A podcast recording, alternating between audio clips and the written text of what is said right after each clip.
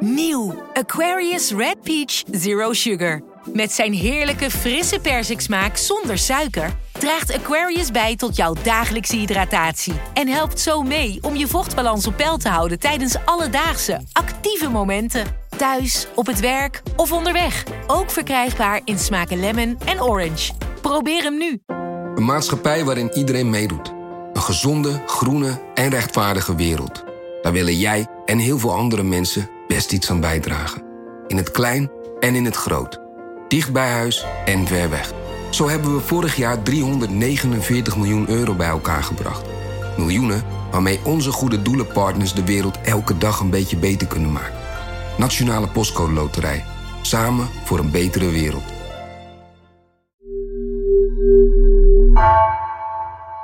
Vanaf de redactie van NRC het verhaal van vandaag. Mijn naam is Gabriella Ader.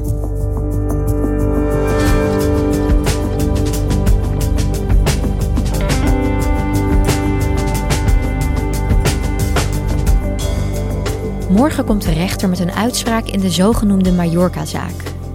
Drie jonge mannen zouden betrokken geweest zijn bij de dood van Carlo Heuvelman na een vechtpartij op Mallorca. Redacteur Bram Endendijk volgde de rechtszaak en ziet hoe alle betrokkenen blijven zwijgen.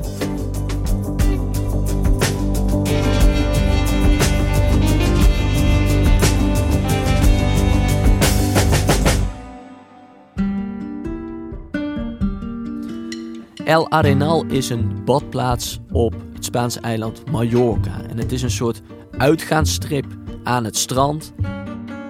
Waar jongeren komen, voornamelijk om veel te drinken, om te feesten. Zon, zee, feestgedruis. En dat is een populaire plek voor jonge mensen om bijvoorbeeld hun middelbare schoolperiode af te sluiten. Omdat ze gaan beginnen met een studie. Of omdat ze gaan beginnen met een baan. Of om er even lekker helemaal uit te zijn. En een van hen is de 27-jarige Carlo Heuvelman. En die komt op 13 juli 2021 met zijn vrienden aan op Mallorca voor een vakantie. En die dag gaat hij dan meteen, nou ja, stappen. Hè? En hij maakt nog een foto van zichzelf en zijn vrienden. En daarop zie je hem staan, echt zo'n foto waarvan je denkt: oké, Carlo heeft het naar zijn zin. Maar diezelfde avond, dus de dag dat Carlo arriveert op Mallorca, gaat het gruwelijk mis. Yo, dat zijn mijn vrienden! Wow. What the fuck, maat? Hey, dat? Ze vlogen. Hij is kan... Holy shit, maat. Want die avond, op die uitgaansstrip van Mallorca, raakt Carlo en zijn vriendengroep in een vechtpartij met een vriendengroep uit Hilversum.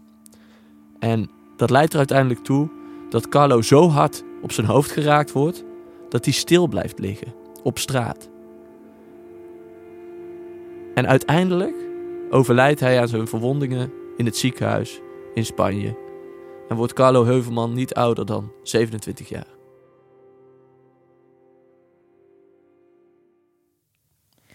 Ja, Bram, jij hebt voor uh, de krant uh, heb je het dossier ingekeken en heb je ook de rechtszaak gevolgd.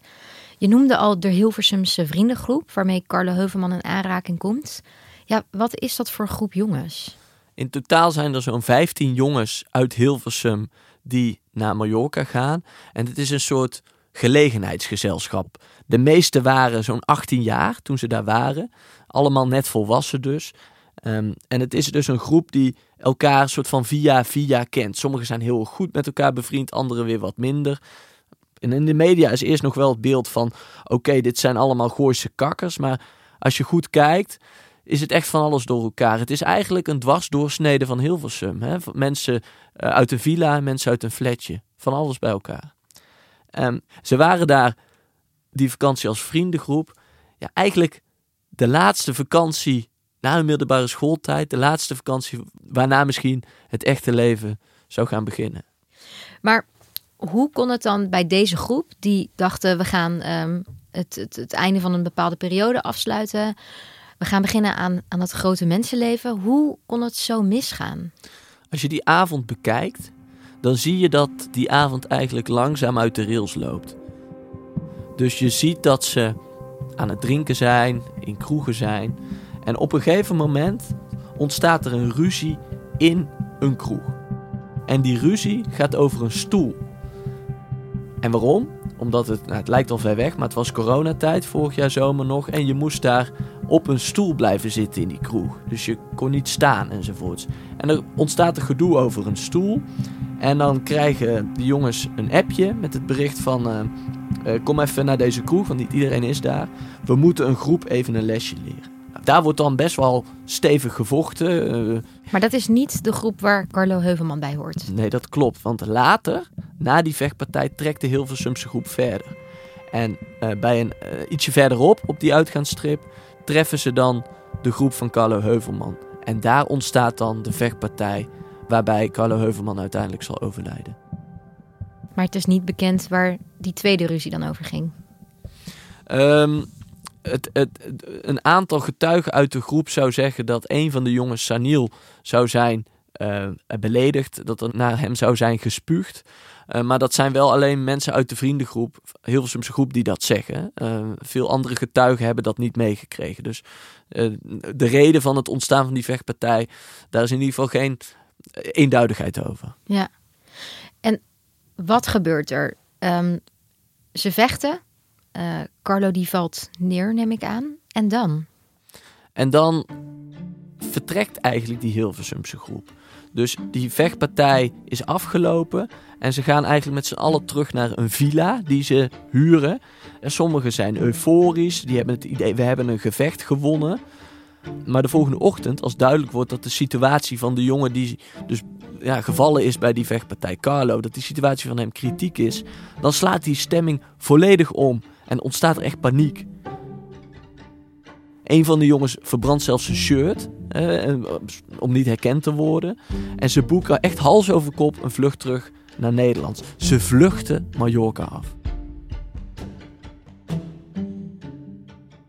En dan? Ze komen terug in Nederland. Wat gebeurt er dan? Dan worden ze opgepakt. Ja, na een aantal weken door de Nederlandse politie. Die nemen uiteindelijk het onderzoek over van de Spanjaarden. Eh, en dan begint eigenlijk het grote zwijgen, zou je kunnen zeggen.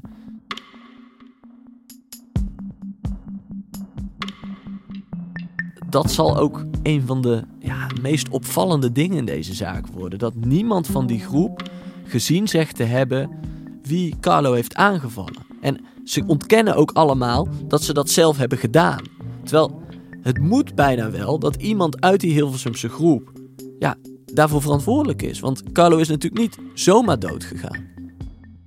Maar wie? Dat blijft dus de vraag. En wat je dan ook ziet in het dossier is dat ze elkaar waarschuwen onderling. Dus ze sturen appjes naar elkaar met zwijg gewoon totdat je advo er is, dan komt goed, leer je nummer uit zijn hoofd. En later in verhoren citeren die jongens onze minister-president, zeggen meerdere jongens dat ze geen actieve herinnering aan die avond hebben.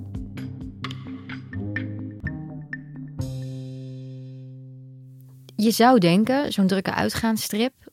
Heel veel mensen op straat, helemaal rond dat uur. Tegenwoordig hangen overal camera's. Er moet toch iets of in ieder geval een, een videocamera gezien hebben wat er is gebeurd. Ja, dus aan de ene kant zou je zeggen, er zijn heel veel mensen hè, buiten die groep die er omheen hebben gestaan. Die verklaren ook wel, maar die verklaringen zijn eh, soms tegenstrijdig met elkaar. Dus dat geeft niet per se een eenduidig beeld. Ehm, en wat ook opvalt, is dat uiteindelijk getuigen die zeg maar om die vriendengroep heen zitten en wel met de politie praten, dat die lastig worden gevallen of geïntimideerd. Een jonge vrouw, eh, kennis van de vriendengroep, die eh, appt op een gegeven moment naar een van de verdachten van hey, moet je jezelf niet aangeven? En dan wordt er gezegd, eh, dat is een domme opmerking, waar bemoei je je mee? Later wordt bij diezelfde getuige haar ruiten ingegooid met een wijnfles en ze denkt zelf dat dat mee te maken heeft dat ze met de politie heeft verklaard. En diezelfde getuige komt op een gegeven moment ook ter sprake in de gevangenis. Als een van de hoofdverdachten, Mees, daar een vriend ontvangt. En dat gesprek tussen die Mees en die vriend is later afgeluisterd door de politie. En die Mees vraagt dan aan die vriend om naar het zusje van die getuige te gaan. En hij zegt tegen die vriend: Bro, ga dat zusje neuken. En met beelden daarvan zou die vriend dan naar die getuigen moeten gaan. Zo van, kijk, dit heb ik. Jezus. Dus eh, dat past wel in een beeld in deze zaak, waarin je ziet dat eh, mensen die wel praten, nou ja, dat daar in ieder geval druk op kan worden uitgeoefend vanuit leden van deze groep. Ehm, en eh, nou, dan zou je zeggen, er zijn videobeelden. Nou, die zijn er ook wel. Van veel vechtpartijen die avond waar de Hilversummers bij betrokken waren. Alleen het moment waar het eigenlijk om gaat, namelijk wat is er met Carlo gebeurd en wie is daarvoor verantwoordelijk, dat is niet gefilmd.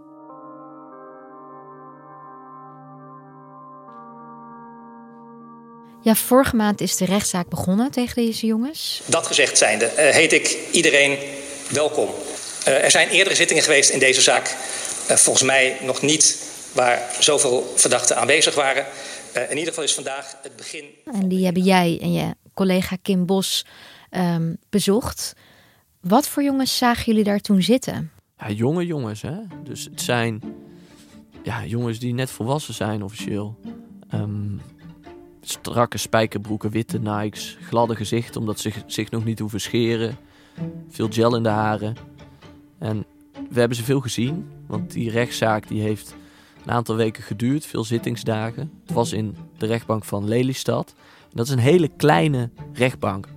Uh, en dat betekent dat er bijvoorbeeld maar één wc is, één koffieautomaat, waar iedereen gebruik van moet maken. En dat betekent dus dat je ook die verdachten die niet vastzitten um, tegenkomt. Op weg naar de wc staan ze te wachten. Succes bro, zeggen ze dan tegen elkaar. Of uh, bij de koffieautomaat wil er langs. Oh, sorry meneer, komt u er maar door. Hele nette jongens. En dat is in ieder geval hoe ze zich hebben gepresenteerd buiten die zittingszaal, ja. En tijdens die zittingsdagen viel een van de hoofdverdachten eigenlijk het meest op. En dat is Saniel B. Ik, ik, ik weet dat ik een enorme fout heb gemaakt. Ik weet dat ik niet had moeten vechten, maar ik kan niet verklaren waarom ik het heb gedaan. Nee, maar de vraag die ik heb is: was je op dat moment, um, dat is eigenlijk de vraag, was jij gewoon buiten zinnen? Nee, nee, dat zeker niet. Dat is echt iemand die enorm wel bespraakt was, die ook nou ja, veel vertelde. Uh, in de zin dat hij vaak aan het woord was, zo bedoel ik dat. Uh, hij kwam intelligent over en hij noemde zichzelf en zijn medeverdachten gewoon vriendelijke jongens die met u spreken. Maar ook Saniel zegt eigenlijk wat de rest van de groep zegt. Hè? Van, ik heb met wat er met Carlo is gebeurd niks te maken. Sterker nog, Carlo, die heb ik nog nooit gezien. Ik heb hem nooit gezien. Zelfs op, op, op de beelden die ik later heb gezien, heb ik hem nooit herkend. Maar sterker nog, ik heb hem ook niet zien liggen. Uh, daarna. Dus, dus ik, ik heb hem nooit gezien. 100.000 procent. Sterker nog, als ik wel wist wie het had gedaan, dan had ik dat ook verteld. Ja, deze Sanu is een van de hoofdverdachten, zei je al. Is hij ook degene die uh, de dodelijke klap of de dodelijke schop heeft uitgedeeld? Nou ja, daar, daar wordt hij wel van verdacht. Samen met twee anderen, uh, Mees en Hein. Uh, dat zijn dus de drie hoofdverdachten waarvan justitie denkt dat ze verantwoordelijk zijn voor de dood van Carlo Heuvelman. Mees die omschrijft zichzelf een beetje als een lieve jongen, zo zegt hij het zelf, die van dieren houdt. Maar er zijn best wel wat, hè, als je naar de afgeluisterde gesprekken krijgt, dan zegt hij af en toe ook wel hele rare dingen. Namelijk dat hij het toch wel vet vindt en dat hij zijn vrienden moeten komen kijken. Wat, dat... wat vindt hij dan vet? Of? Nou, de rechtszaak. Hm. Dus uh, van, nou ja, kom kijken. Het wordt, en dan zegt hij later van, ja, ik weet ook niet waarom ik dat zeg. Uh, ik heb eigenlijk twee kanten. Nou, dat is Mees. En dan heb je Hein. En Hein is een jongen die net 18 was toen het allemaal is gebeurd. Die praat heel rustig, die formuleert zorgvuldig. En ook Hein heeft dus een tijdje vastgezeten in deze zaak. En hij vertelt in de rechtszaal van ja, ik, ik had het gevoel dat ik daar niet echt paste. Hè? Hij heeft het dan over de manier waarop ik praat, hoe ik eruit zie. En dat hij op school altijd zijn best heeft gedaan. Goed, maar over wie er dus verantwoordelijk is, blijven de jongens wel zwijgen. Klopt. En de vader van Carlo Heuvelman, die komt tijdens de rechtszaak ook aan het woord. En die doet tijdens zijn spreekrecht echt een indringend beroep op die verdachte uit Hilversum. Vroeg of laat komt een fatsoenlijk mens zonder twijfel in gewetensnood. Wees dat voor en spreek je uit. Wij hebben niets aan misplaatste sympathie of medeleven. Wij willen antwoorden. En ook de rechter in deze zaak, en dat is toch wel vrij bijzonder, die zegt daar iets over. Ik weet niet waarom jullie je mond dicht houden. Of dat is om je verantwoordelijkheid te ontlopen. Of dat is om een vriend te beschermen. Of dat het nou is omdat je bang bent om voor een verrader te worden uitgemaakt. Maar wat mij betreft is dit echt te wezenlijk. Die nabestaanden die blijven de rest van hun leven met onverwerkt verdriet achter, met vragen achter. En ik zal ook zeggen, volgens mij blijven jullie de rest van je leven, blijft het geweten ook echt aan jullie knagen. Wees een vent en vertel nou gewoon echt wat er gebeurd is. Maar goed, de jongens hebben niet gepraat, die bleven zwijgen. Op welk bewijs baseert het OM zich dan nu? Ja, er zijn natuurlijk wel verklaringen hè, van mensen. Er zijn ook die, die avond andere incidenten geweest die wel gefilmd zijn. Maar als het gaat over wat er met Carlo is gebeurd, dan moet je het eigenlijk zien dat verklaringen, beelden, omstandigheden, wat er met Carlo uiteindelijk is gebeurd, allemaal puzzelstukjes zijn waarvan het OM een soort puzzel legt. En waarvan ze zeggen van ja oké, op deze puzzel zien we dat Saniel, Mees en Hein verantwoordelijk zijn voor de dood van Carlo Heuvelman. En ze zeggen van dat past allemaal aan elkaar en door alles te combineren komen we tot dat beeld. Daarnaast is er een DNA-spoor gevonden op de schoen van een van de hoofdverdachten, van Saniel. En dat DNA is van Carlo en dat zou erop kunnen duiden dat Saniel Carlo geschopt heeft. En op 17 oktober komt het Openbaar Ministerie dan met een strafeis, waarbij de officier best wel fel uithaalt naar de verdachte. De groep verdachten was op oorlogspad en hielden pas op toen hun slachtoffers bewegingsloos op de grond lagen. Daarbij werd zelfs het meest ernstige gevolg voor lief genomen, namelijk dat het bewuste slachtoffer nooit meer op zou staan. Ze liepen alle weg zonder zich ook maar te bekommeren over de op de grond liggende slachtoffers.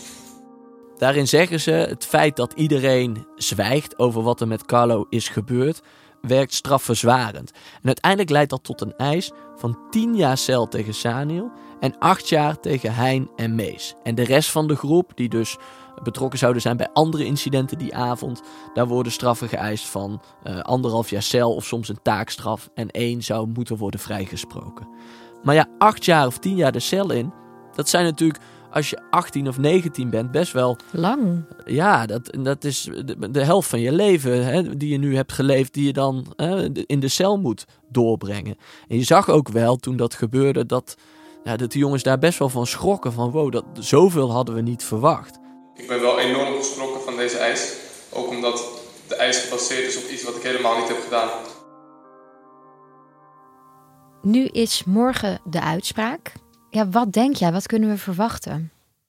Kijk, de vraag wordt, Gabrielle, denk ik, in hoeverre is die puzzel van het OM, is dat ook de puzzel die de rechter kan leggen? Want de verdediging zegt, ja, wij zien dezelfde stukjes, maar daar leggen we iets heel anders van, een heel ander scenario. Want allerlei verdachten zeggen ook dingen die tegenstrijdig zijn. Dus de vraag wordt, is er genoeg om deze verdachte te koppelen aan de dood van Carlo Heuvelman. En dan wordt natuurlijk ook de vraag: gaat de rechter dan mee in die eisen van het Openbaar Ministerie? Als dat zo is, dan kun je verwachten dat een aantal jongens daar in ieder geval in hoger beroep tegen gaat. Hè. Als zij uh, acht tot tien jaar cel krijgen, kun je dat eigenlijk wel voorspellen. En dan komt eigenlijk ook de vraag naar boven die al de hele tijd boven dit proces hangt. Namelijk, gaat uiteindelijk alsnog een van die jongens vertellen wat daar nou is gebeurd op Mallorca.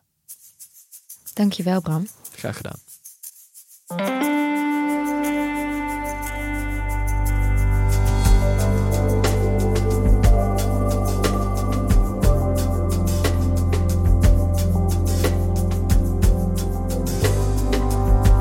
Je luisterde naar vandaag, een podcast van NRC.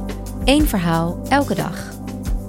Deze aflevering werd gemaakt door Tessa Kolen, Ignaat Schoot, Ruben Pest en Jennifer Patterson. Dit was vandaag, morgen weer.